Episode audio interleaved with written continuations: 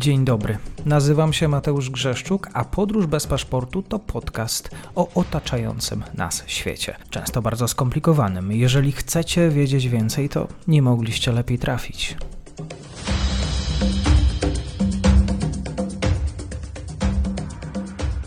Partnerem odcinka jest sklep militaria.pl. Znajdziecie tam najlepsze męskie i nie tylko prezenty. Link w opisie. Dzień dobry Państwu, dzień dobry wszystkim słuchaczom. Ze mną jest dzisiaj znany dla Państwa gość no z pewnością, komandor porucznik rezerwy Wiesław Goździewicz. Dzień dobry, kłaniam się bardzo mi miło. Dzień dobry panie redaktorze, dzień dobry państwu. Prezydent Czech, e, były szef Komitetu Wojskowego NATO, Petr Paweł, tutaj powołuje się na artykuł w Defense 24, ostrzega, że Kreml nie potrzebuje wiele czasu na odnowienie zdolności do agresji przeciwko NATO. Michał Bruszewski pisze, czeski przywódca alarmuje, że Europa powinna czuć się zagrożona. To prawda w jakimś stopniu, że ten e, Rosja ma zdolności e, wojskowe regeneracyjne w niezłym tempie? To znaczy, ja niestety obawiam się, że mieliśmy y, zbiorową tendencję do bagatelizowania potencjału e, Federacji Rosyjskiej, zarówno jeżeli chodzi o jej gospodarkę, jak i, a może przede wszystkim, jeżeli chodzi o jej zasoby ludzkie, które, e, jak to udowodniła e, Rosja, czy jej poprzedniczka, a właściwie poprzednik, czyli Związek Sowiecki w czasie II wojny światowej, były niemalże nieprzebrane. E, tutaj wiadomo, sytuacja jest nieco inna, realia inne, aczkolwiek potencjał, jeżeli chodzi o zasoby ludzkie, ale również gospodarkę Federacji Rosyjskiej, jest w dalszym ciągu no, solidny do tego stopnia, że mimo mm, dość licznych sankcji nałożonych przez Unię Europejską, Stany Zjednoczone a i inne mm, państwa, no, rosyjski przemysł zbrojeniowy w dalszym ciągu jest w stanie funkcjonować zwłaszcza w tym e, reżimie wojennym, gdzie e, produkcja wojenna zyskuje priorytet kosztem innych gałęzi przemysłu.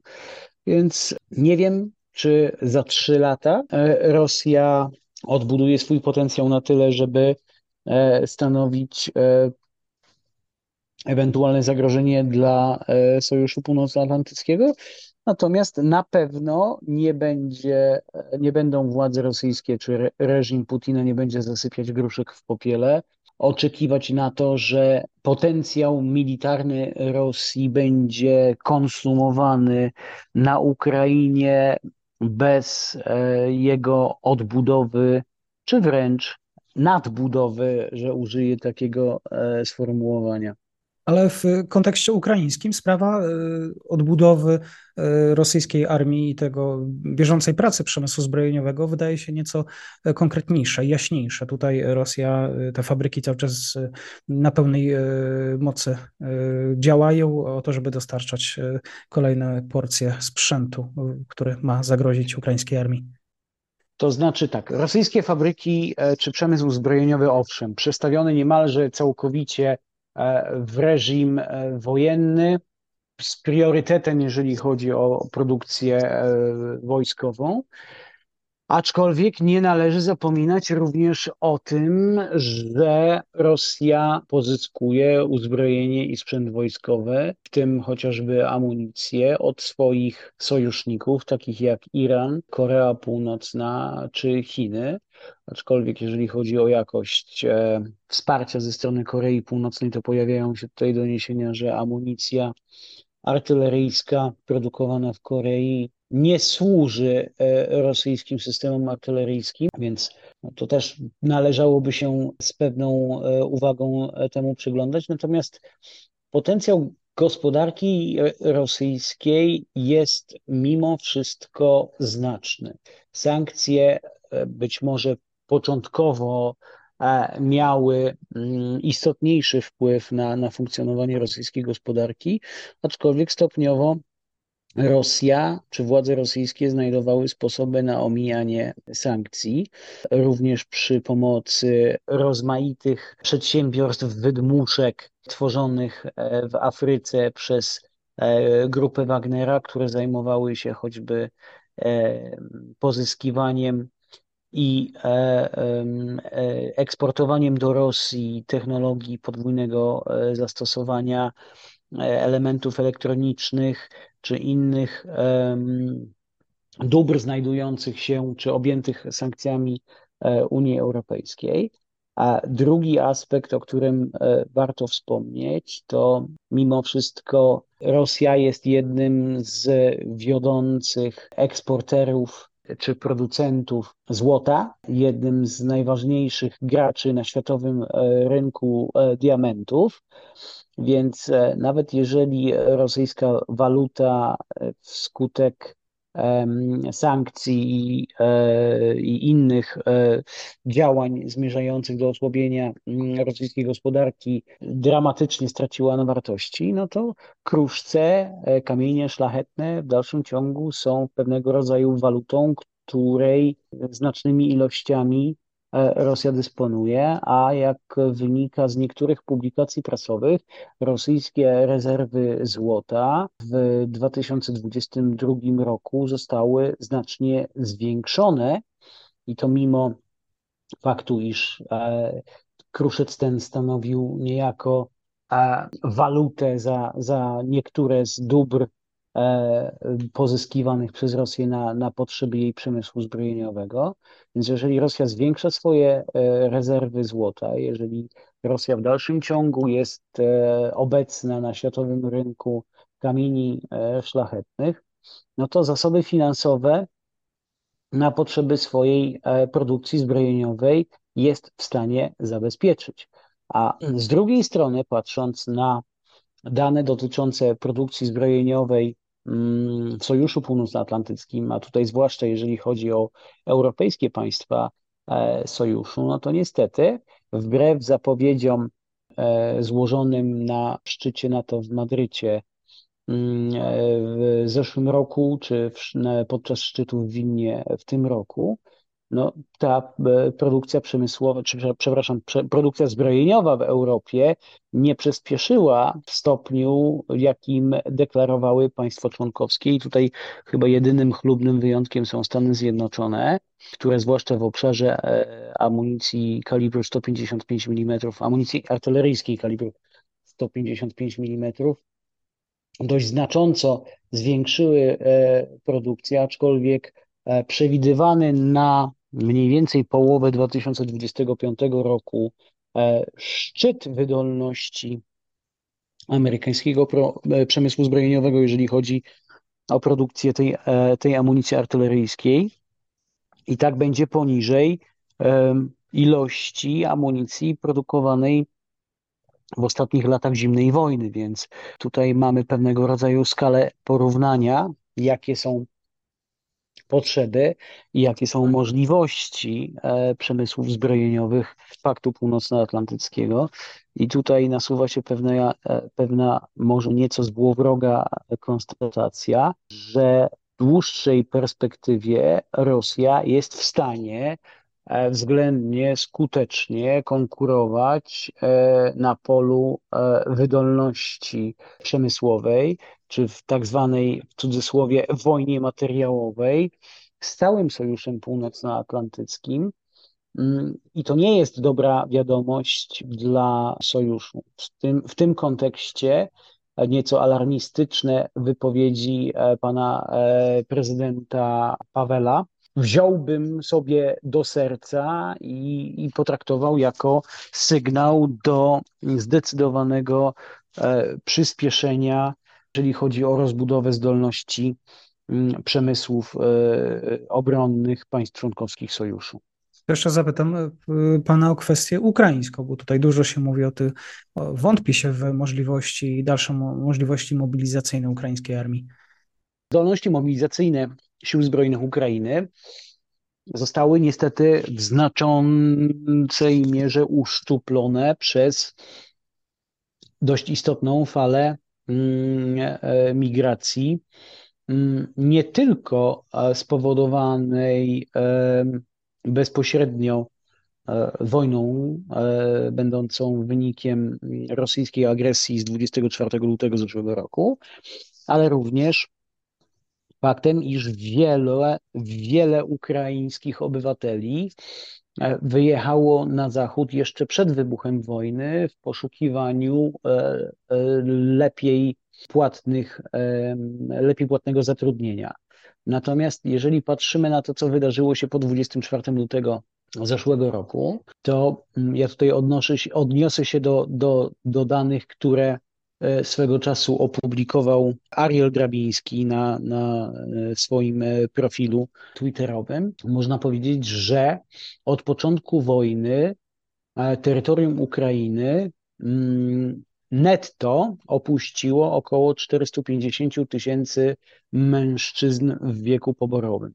Netto oznacza to, że mimo pewnej fali powrotów, zwłaszcza w tym roku, e, na terytorium Ukrainy. W dalszym ciągu bilans jest dla e, Ukrainy niekorzystny, to znaczy, że w porównaniu do e, stanu sprzed rosyjskiej agresji, ukraińskie rezerwy mobilizacyjne uszczupliły się o około 450 tysięcy mężczyzn w wieku poborowym.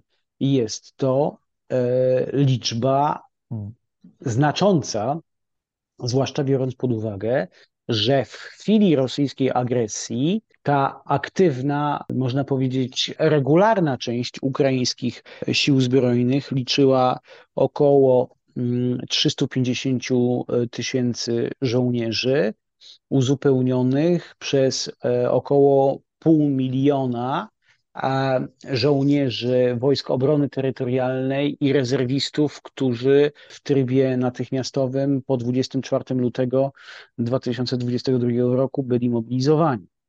Więc jeżeli zestawimy mniej więcej 850 tysięcy ludzi e, w ukraińskich siłach zbrojnych, którzy przeciwstawili się rosyjskiej e, agresji na początku wojny, ze stratami, które od początku e, tej wojny poniosły siły zbrojne Ukrainy, szacowanymi w zależności od źródła od 250 e, do 350 mm, tysięcy zabitych, e, rannych i wziętych do niewoli.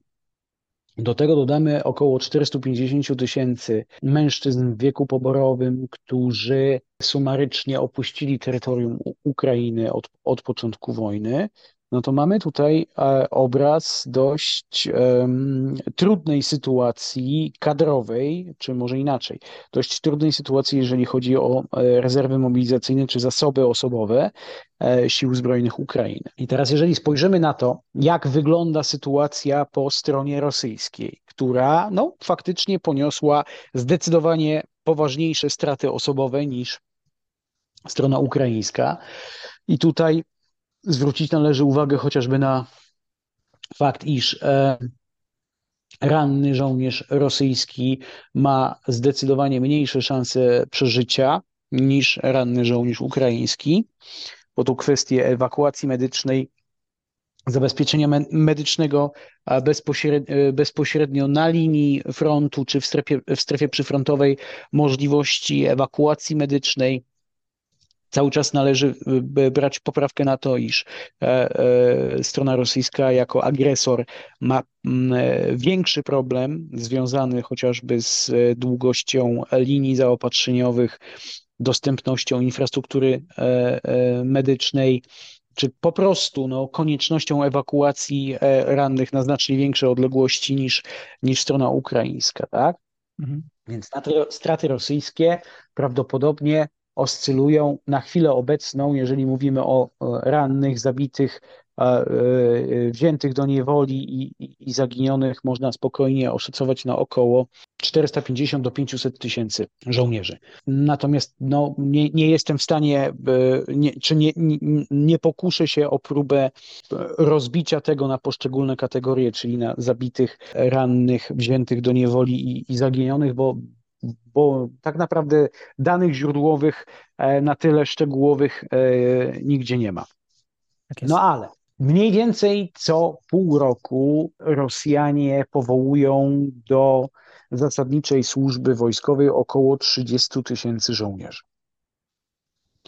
Więc w ciągu roku mają teoretycznie możliwość uzupełniania swoich stanów osobowych o mniej więcej 60 tysięcy żołnierzy, e, z których większość tak naprawdę trafia jako nie na linię frontu, nie bezpośrednio do, do działań zbrojnych, tylko jako uzupełnienia stanów osobowych jednostek, z których żołnierze kontraktowi albo zawodowi e, kierowani są do, do działań zbrojnych na terytorium e, Ukrainy. Oprócz tego mówimy o nieformalnej, skrytej a, albo nie do końca sformalizowanej mobilizacji rosyjskich sił zbrojnych, gdzie do jednostek wojskowych powołuje się albo rezerwistów, czasami tak zwanych zeków, czyli osoby e, skazane na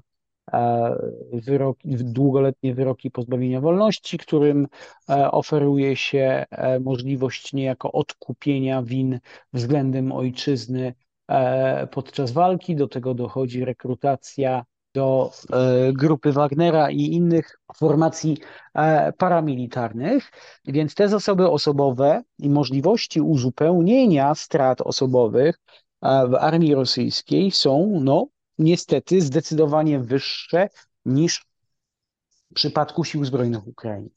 Kwestią dyskusyjną jest e, oczywiście jakość szkolenia, czy poziom wyszkolenia rezerwistów rosyjskich w porównaniu z rezerwistami ukraińskimi, aczkolwiek tutaj też nie jest to sprawa całkowicie jednoznaczna, ponieważ w zależności od tego, w jakim okresie ukraiński rezerwista był faktycznie e, szkolony, czy odbywał zasadniczą służbę wojskową, to poziom jego wyszkolenia może być bardzo różny.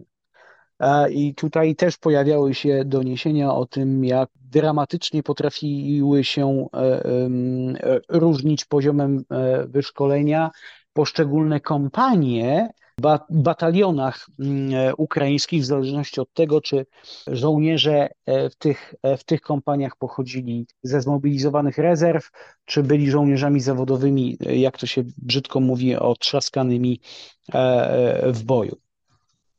Więc Rosjanie przez ostatnie, myślę, że 6-8 tygodni, pomijając oczywiście kierunek Awdijiwki, gdzie wciąż trwają dość e, uporczywe i zaciekłe rosyjskie starania o zajęcie mm, tej miejscowości. Na pozostałych odcinkach frontu Rosjanie chyba zaczęli przyjmować taką taktykę wyczekania, tudzież próbę wyczerpywania e, sił zbrojnych Ukrainy, bo mniej jest zdecydowanie prób e, podejmowania zdecydowanych działań zaczepnych na większą skalę niż obserwowaliśmy to jeszcze w połowie października. Więcej jest takiego systematycznego traktowania w cudzysłowie ukraińskich pozycji intensywnym ostrzałem artyleryjskim, przy wsparciu lotnictwa frontowego, Działania zaczepne rosyjskie na większości długości frontu mają raczej ograniczoną skalę, aczkolwiek zmusiły stronę ukraińską do e, niejako e, przyjęcia taktyki bardziej obronnej e, niż ofensywnej. Teraz na przykładzie chociażby tych przyczółków w okolicach Krynek na Hersońszczyźnie, no, pewne zdziwienie komentatorów wywołał fakt, że Rosjanie nie podejmują prób takich frontalnych szturmów na te przyczółki w celu ich likwidacji. Zamiast tego dość systematycznie okładają te, te przyczółki e, mm, ogniem e, artyleryjskim, tudzież e, traktują je przy pomocy wsparcia powietrznego lotnictwa frontowego, jednocześnie dość intensywnie ostrzeliwując ten prawy brzeg Dniepru, z którego wsparcie dla tych przyczółków pod, pod krynkami strona ukraińska próbuje przerzucać. Tutaj mamy do czynienia ewidentnie z, przynajmniej w mojej ocenie, z próbą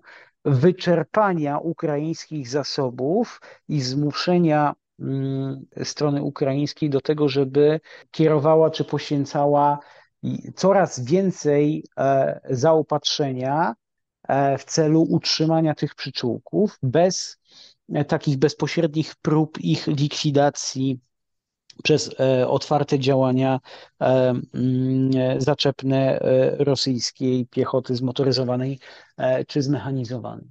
I podobnie jak spojrzymy chociażby na, na sytuację na, na odcinku zaporowskim w, w okolicach Robotynego, strona rosyjska wstrzymała czy, czy ograniczyła próby likwidacji tego ukraińskiego włamania w okolicach Robotynego czy, czy, e, czy Werbowego, skupiając się na nękaniu e, e, ukraińskich pozycji ogniem artyleryjskim czy uderzeniami lotnictwa frontowego, przy jednoczesnym szachowaniu jedynej e, właściwie drogi zaopatrzenia mm, e, dla tego e, włamania na, na, na kierunku robotyny werbowe.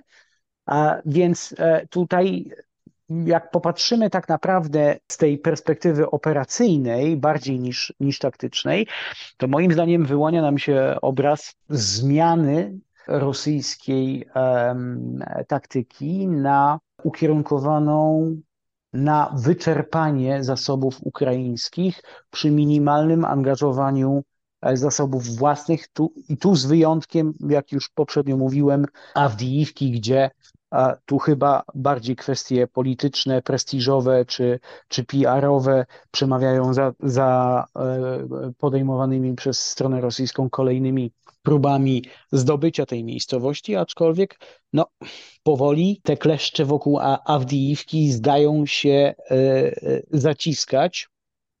I być może chodzi o to, żeby przed końcem roku władze rosyjskie mogły ogłosić, że Awdijiwka, która była niezdobyta tak naprawdę od 2014 roku, ostatecznie została przez, e, e, przez Rosjan zajęta, niejako przycie, przypieczętowując e, los obwodu donieckiego. Więc Podobnie jak ukraińskie podejście, podejście do, do Bachmutu, tak i rosyjskie podejście do Awdijiwki wydaje się być bardziej ukierunkowane na względy polityczne czy wizerunkowe, aniżeli wojskowe, operacyjne. I tym akcentem zakończymy. Bardzo dziękuję za dzisiejsze spotkanie. Za wiedzę pan komander, komander porucznik rezerwy Wiesław Goździewicz. Kłaniam się. Dziękuję bardzo panie redaktorze, dziękuję państwu za uwagę.